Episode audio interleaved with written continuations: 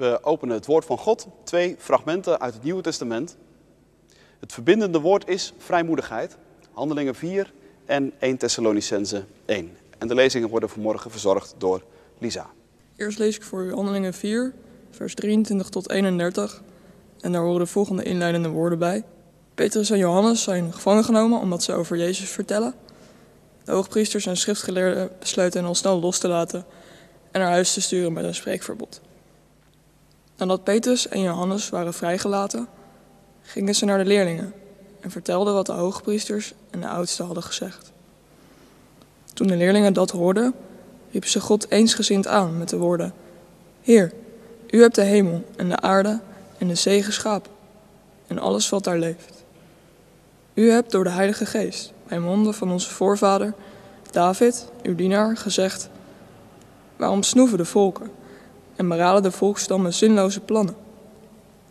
De koningen van de aarde zijn aangetreden en de heersers spannen samen tegen de Heer en zijn gezalfde. Want inderdaad, in deze stad hebben alle samengespannen tegen Jezus, uw heilige dienaar, die door u is gezalfd. Herodes, Pontius Pilatus, alle volken en ook de stammen van Israël, om datgene te doen waarvan u had bepaald en voorbestemd dat het moest gebeuren. Wel nu, Heer, sla ook nu acht op hun dreigementen en stel ons, uw dienaren, in staat om vrijmoedig over uw boodschap te spreken, door ons bij te staan, zodat zieken genezing vinden en er tekenen en wonderen gebeuren. In de naam van Jezus, uw heilige dienaar. Toen ze het gebed beëindigd hadden, begon de plaats waar ze bijeen waren te beven. En alle werden vervuld van de Heilige Geest en spraken vrijmoedig over de boodschap van God. Verder lees ik voor u 1 Thessalonicense 1 vers 1 tot 2 vers 4. Van Paulus, Silvanus en Timotheus aan de gemeente in Thessalonica, die toebehoort aan God, de Vader, en de Heer Jezus Christus. Genade zij u en vrede. Wij danken God altijd voor u allen. Wij noemen u onophoudelijk in onze gebeden en gedenken dan voor onze God en Vader hoeveel uw geloof tot stand brengt. Hoe krachtig uw liefde is en hoe standvastig u blijft hopen op de komst van Jezus Christus, onze Heer. God heeft u lief, broeders en zusters. Wij weten dat u, Hij u heeft uitgekozen. Onze verkondiging aan u overtuigt immers niet alleen door onze woorden, maar ook door de overweldigende kracht van de Heilige Geest. U weet hoeveel we voor u hebben betekend toen we in uw midden waren. U hebt ons nagevolgd en daarmee de Heer. Onder zware beproevingen hebt u het woord ontvangen met de vreugde van de Heilige Geest. Zo bent u een voorbeeld voor alle gelovigen in Macedonië en Achaïe geworden. Want het woord van de Heer heeft zich vanuit uw gemeente niet alleen in Macedonië en Achaïe verspreid. Uw geloof in God vindt ook werkelijk buiten die gebieden. Wij hoeven daarover niets te vertellen. Iedereen praat erover hoe wij door u zijn ontvangen en hoe u zich van de afgoden hebt afgewend om u tot God te keren. Om Hem, de levende en ware God, te dienen en om Zijn Zoon te verwachten uit de hemel. Jezus, die Hij uit de dood heeft doen opstaan en die ons zal redden van het komende oordeel. U weet zelf, broeders en zusters, dat ons bezoek aan u niet te vergeefs is geweest. Ondanks de mishandelingen en beledigingen die wij, zoals u bekend is, in Filippi te verduren hadden, vonden we in vertrouwen op onze God de moed u bekend te maken met zijn evangelie. Daarvoor hebben we ons tot het uiterste ingespannen. Onze oproep rust niet op een dwaling, op oneerlijkheid of bedrog. Wij spreken alleen omdat God ons daartoe waardig heeft gekeurd en ons het evangelie heeft toeverteld. Niet om mensen te behagen, maar God, die de mensen doorgrondt. Gemeente van Christus, broeders en zusters. Het gebeurde in 1992 in de kathedraal van Palermo op Sicilië. Er is een grote begrafenisdienst gaande. En voor in de kerk staan maar liefst vijf kisten. Het zijn de slachtoffers van een van de grootste maffia-aanslagen uit de Italiaanse geschiedenis. Onderzoeksrechter Falcone, om hem was het te doen, kwam om. Maar niet alleen hij, ook zijn vrouw en drie van hun lijfwachten. Het was een machtsvertoning geweest van ongekende omvang. En een van de drie agenten die erbij om het leven kwamen was de jonge Vito Cifani. Nota bene, hij was eigenlijk vrij, maar sprong in voor een collega. Het is een twintiger die een vrouw nalaat en een zoontje van amper vier maanden oud. Na de preek van de kardinaal, die er niet omloog, krijgt de vrouw van Vito het woord.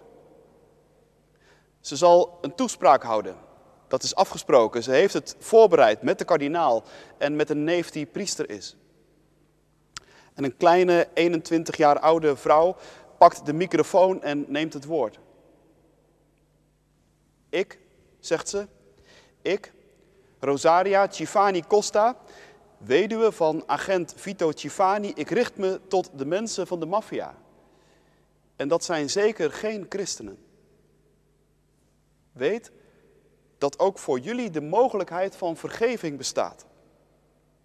Ik vergeef jullie, maar jullie moeten op je knieën. Jullie moeten op de knieën als je de moed hebt om radicaal te veranderen.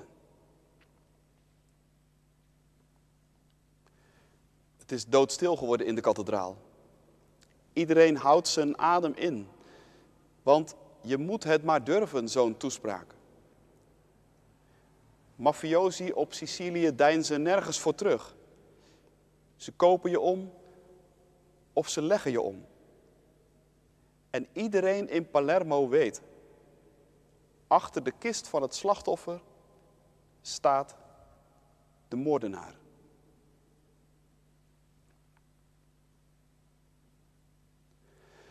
Wat daar gebeurde in die kathedraal is een indrukwekkend voorbeeld van wat de Bijbel paresia noemt in het Grieks.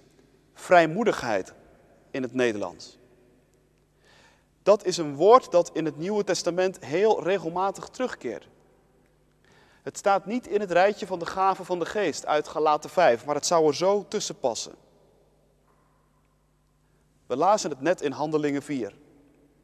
De leerlingen werden vervuld met de Heilige Geest en spraken het woord van God met vrijmoedigheid. En ook in de eerste Thessalonicensebrief kom je het woord tegen. Paulus schrijft daar aan de christenen dat hij vrijmoedigheid heeft gekregen om het evangelie van God tot hen te spreken. Vrijmoedigheid dus. Het woord dat in het Nieuwe Testament daarvoor gebruikt wordt, komt eigenlijk uit de politiek. Paresia betekende in het oude Griekenland letterlijk alles zeggen.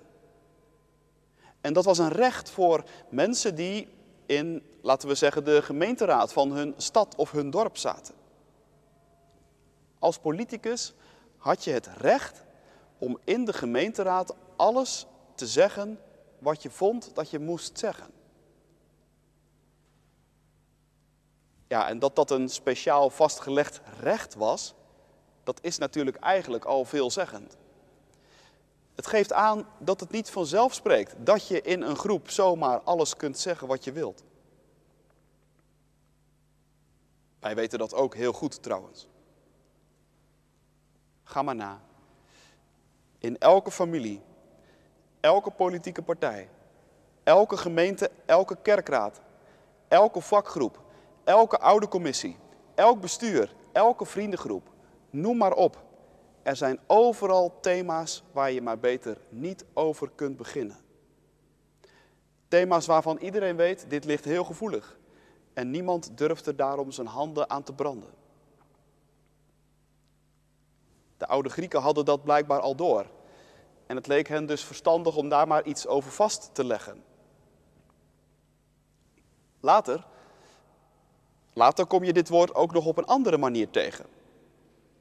Paresia is dan niet alleen maar een recht, maar het is ook een houding. Want je kunt wel het recht hebben om te zeggen wat je wil, maar ja, je moet het natuurlijk ook nog durven. Je moet de moed hebben en de vrijheid om vrijmoedig op te staan. Zoals die Rosaria dat deed in de kathedraal van Palermo. Je moet wel het lef hebben om in zo'n broeierige sfeer te grijpen naar de microfoon. Om te zeggen wat er gezegd moet worden.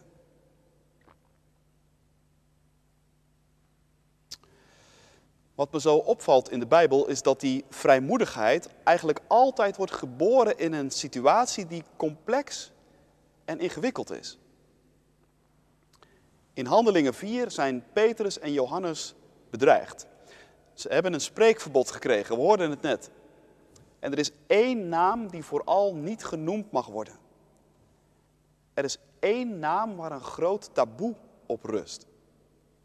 En dat is de naam van Jezus. En wat me dan zo raakt, die gemeenteleden die kruipen dan niet in hun schulp, maar ze komen juist in actie als ze dat merken. Ze gaan bidden. En ze proberen de situatie waarin ze terechtgekomen zijn een beetje te begrijpen en te duiden. Ik stel me voor dat ze met een kleine groep ergens bij elkaar zaten in een kamer. En dat er op een gegeven moment iemand in die kring zei: Psalm 2. Jullie kennen toch Psalm 2? Wat wij meemaken is eigenlijk gewoon Psalm 2. De koningen van de aarde, de machthebbers, de vorsten, David wist het al, ze spannen samen tegen de Heer en tegen zijn gezalfde. Dat is mooi als je dat lukt.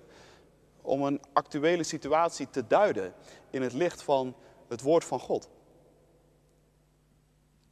Het helpt ook om de goede focus te vinden als je dat doet.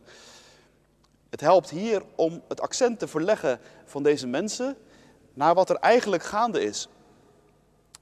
Met dat je op zo'n psalm komt, besef je, dit gaat niet zozeer tegen ons persoonlijk in, maar het gaat in tegen God en tegen zijn bedoelingen. En zo ontstaat daar een gebed om vrijmoedigheid. Je merkt, die vrijmoedigheid die dient dus een hoger doel. Het gaat niet om zomaar de lekkere vrijheid dat je nu eens even vrij uit kunt zeggen wat je ergens van vindt en denkt. En dat dan helemaal op jouw manier, zonder je ook maar wat van iets of iemand aan te trekken. Het gaat dus niet om de vrijheid die sommige mensen voelen zodra ze zich op social media begeven en denken, nu kan ik even helemaal leeglopen. Vrijmoedigheid is geen carte blanche om los te gaan, op wie of wat dan ook maar. Vrijmoedigheid is in de Bijbel een prachtige vrucht van de Heilige Geest. En die wordt geboren uit gebed in een complexe situatie.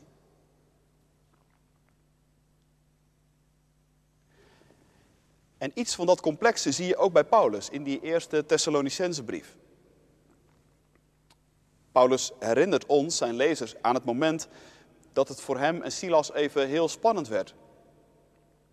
Ze waren in Filippi, kort hiervoor, en daar werden ze beschuldigd van onrust stoken. Deze mensen brengen de stad in rep en roer, werd er gezegd, en daardoor kwamen Paulus en Silas in de gevangenis terecht. Dat was een enorme vernedering voor hen geweest. Maar ondanks dat, schrijft Paulus dan, ondanks beledigingen en mishandelingen die Silas en ik hebben verduurd gekregen, vonden we toch vrijmoedigheid om het evangelie met jullie te delen. Je merkt, vrijmoedigheid heb je dus niet zomaar op zak. Ook niet als je Petrus heet of Johannes, Paulus of Rosaria Cifani. Vrijmoedigheid is een vrucht van de Heilige Geest en die heb je niet vooraf paraat. Maar die gebeurt midden in een crisis.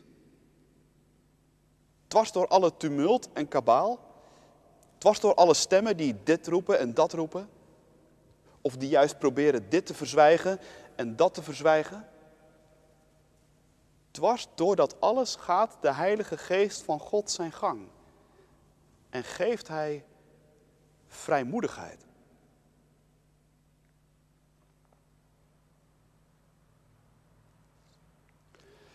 Ik moet je zeggen, ik vind dat adembenemend. Ik verlang er zelf ook zo naar, naar die vrijmoedigheid. En ik ben er ook van overtuigd dat wij dat in onze tijd bijzonder hard nodig hebben. Onze tijd met zijn dwingende en verstikkende patronen, waarin zoveel mensen met ademnood rondlopen. En waarin op de naam van Jezus een taboe rust. En als er op de naam van Jezus een taboe rust, dan rust er ook op heel veel andere dingen een taboe. Onze tijd die schreeuwt om God. En die tegelijkertijd alles in het werk stelt om die schreeuw van God, om God vakkundig te smoren.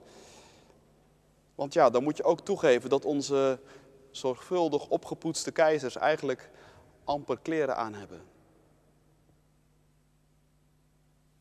Ik verlang zo naar nieuwe vrijmoedigheid.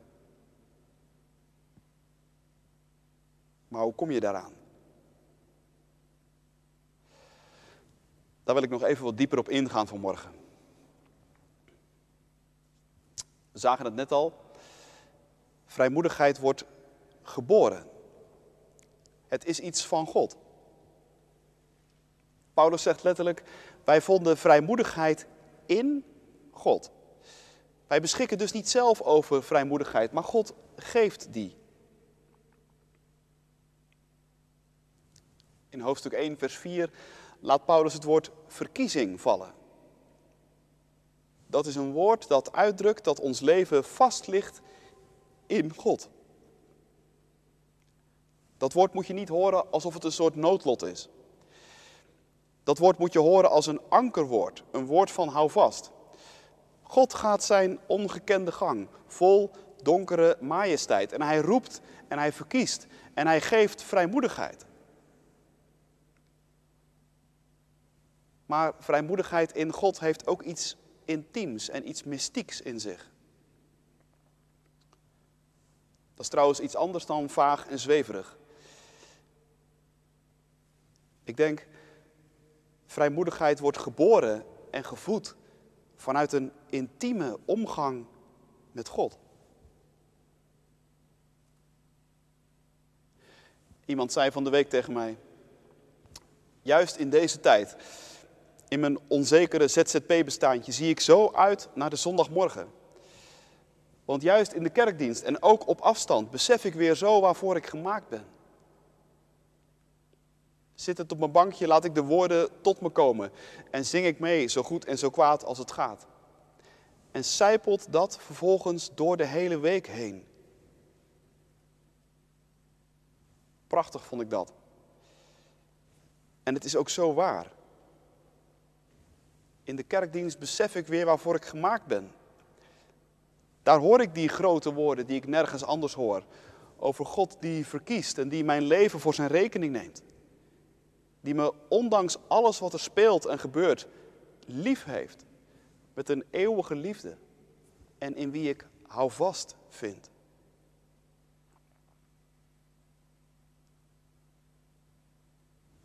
En van daaruit, van daaruit ga ik de nieuwe week weer in. Vanuit die verborgen omgang met God, die zo belangrijk is voor vrijmoedigheid, ben ik ook een betrokken tijdgenoot. Dat is het tweede. Want die vrijmoedigheid als een gave van de Heilige Geest, die gebeurt midden in de wereld. De gemeente van Handelingen 4 zat niet op een veilig eiland. En Paulus was alles behalve een studeerkamergeleerde. Vrijmoedigheid gebeurt waar de dingen die om je heen gebeuren in de wereld, dichtbij, ver weg, vrijmoedigheid gebeurt waar dat je niet meer koud laat, maar als je je erdoor laat raken. Als je je laat raken door iets als de pijn en de woede van de Black Lives Matter beweging, die zo van zich laat horen ineens. Want wat zit daar niet een verdriet en een frustratie? En wat kun je je als blank mens schamen als je bedenkt dat je daar eigenlijk nooit zo bij stilgestaan hebt?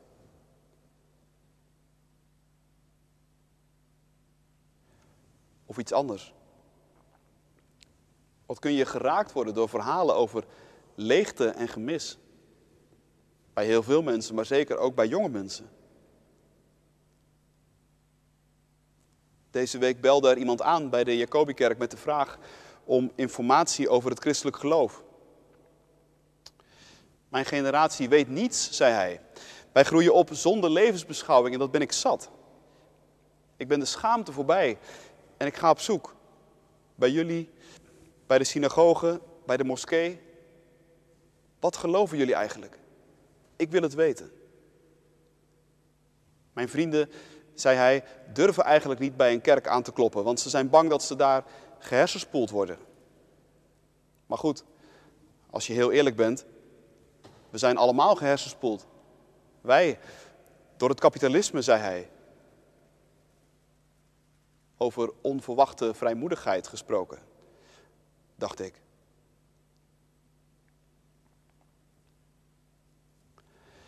Vrijmoedigheid, die wordt dus geboren in de omgang met God en in het staan midden in de wereld als een geraakte tijdgenoot.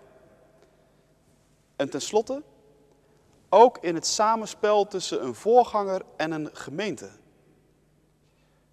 Dat is denk ik een van de unieke kenmerken van die eerste Thessalonicensebrief. Die biedt een prachtig inkijkje in de manier waarop een voorganger en een gemeente op elkaar betrokken zijn en geraakt zijn. En hoe dat over en weer op elkaar inwerkt. Paulus is in Thessalonica maar kort geweest en je krijgt de indruk dat hij langer had willen blijven. Deze brief schrijft hij vanuit Korinthe. En in dit eerste hoofdstuk blikt hij terug op de ontstaande relatie. Het is een heel intiem hoofdstuk. Paulus houdt gewoon van deze mensen. Je merkt het aan alles. En hij heeft van God vrijmoedigheid ontvangen om het evangelie te delen. En dat is ook niet zonder resultaat gebleven. De gemeenteleden in Thessalonica hebben het zelf ook niet makkelijk. Maar toch houden ze vol.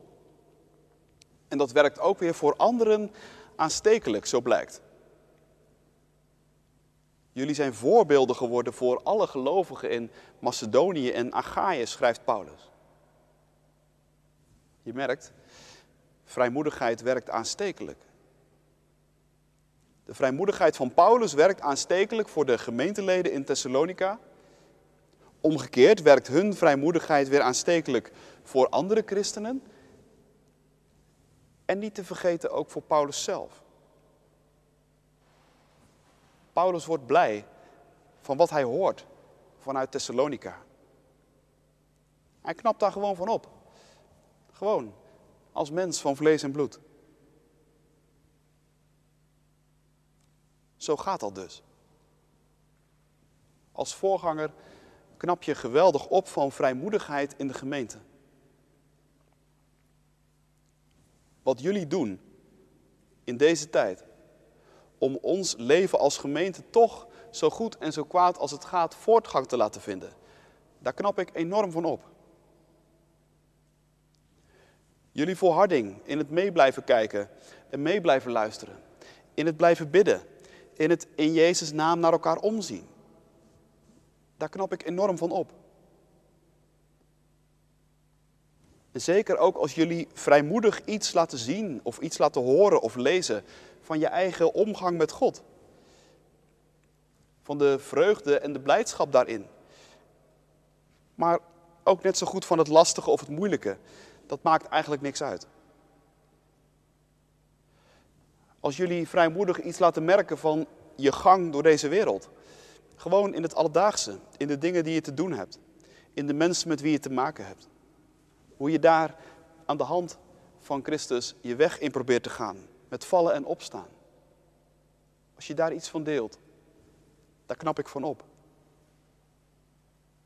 Als ik merk dat jullie het woord van God niet zomaar voor kennisgeving aannemen. Als bij de verkondiging in de kerk niet je eerste vraag is: wat vind ik hier eigenlijk van? Of wat heb ik gemist? Maar als je eerste vraag is, wat heeft God mij vandaag te zeggen? En als je daarmee bezig bent, ik knap daarvan op. En zo dragen jullie dus bij aan de vrijmoedigheid van je voorganger. Onderschat dat effect niet. Ook een voorganger heeft vrijmoedigheid echt niet standaard op voorraad. Maar een vrijmoedige voorganger, daar knappen jullie vervolgens ook weer van op. En zo ontstaat er dus iets unieks in de kerk. Een atmosfeer die anders is. En echt, dat proef je.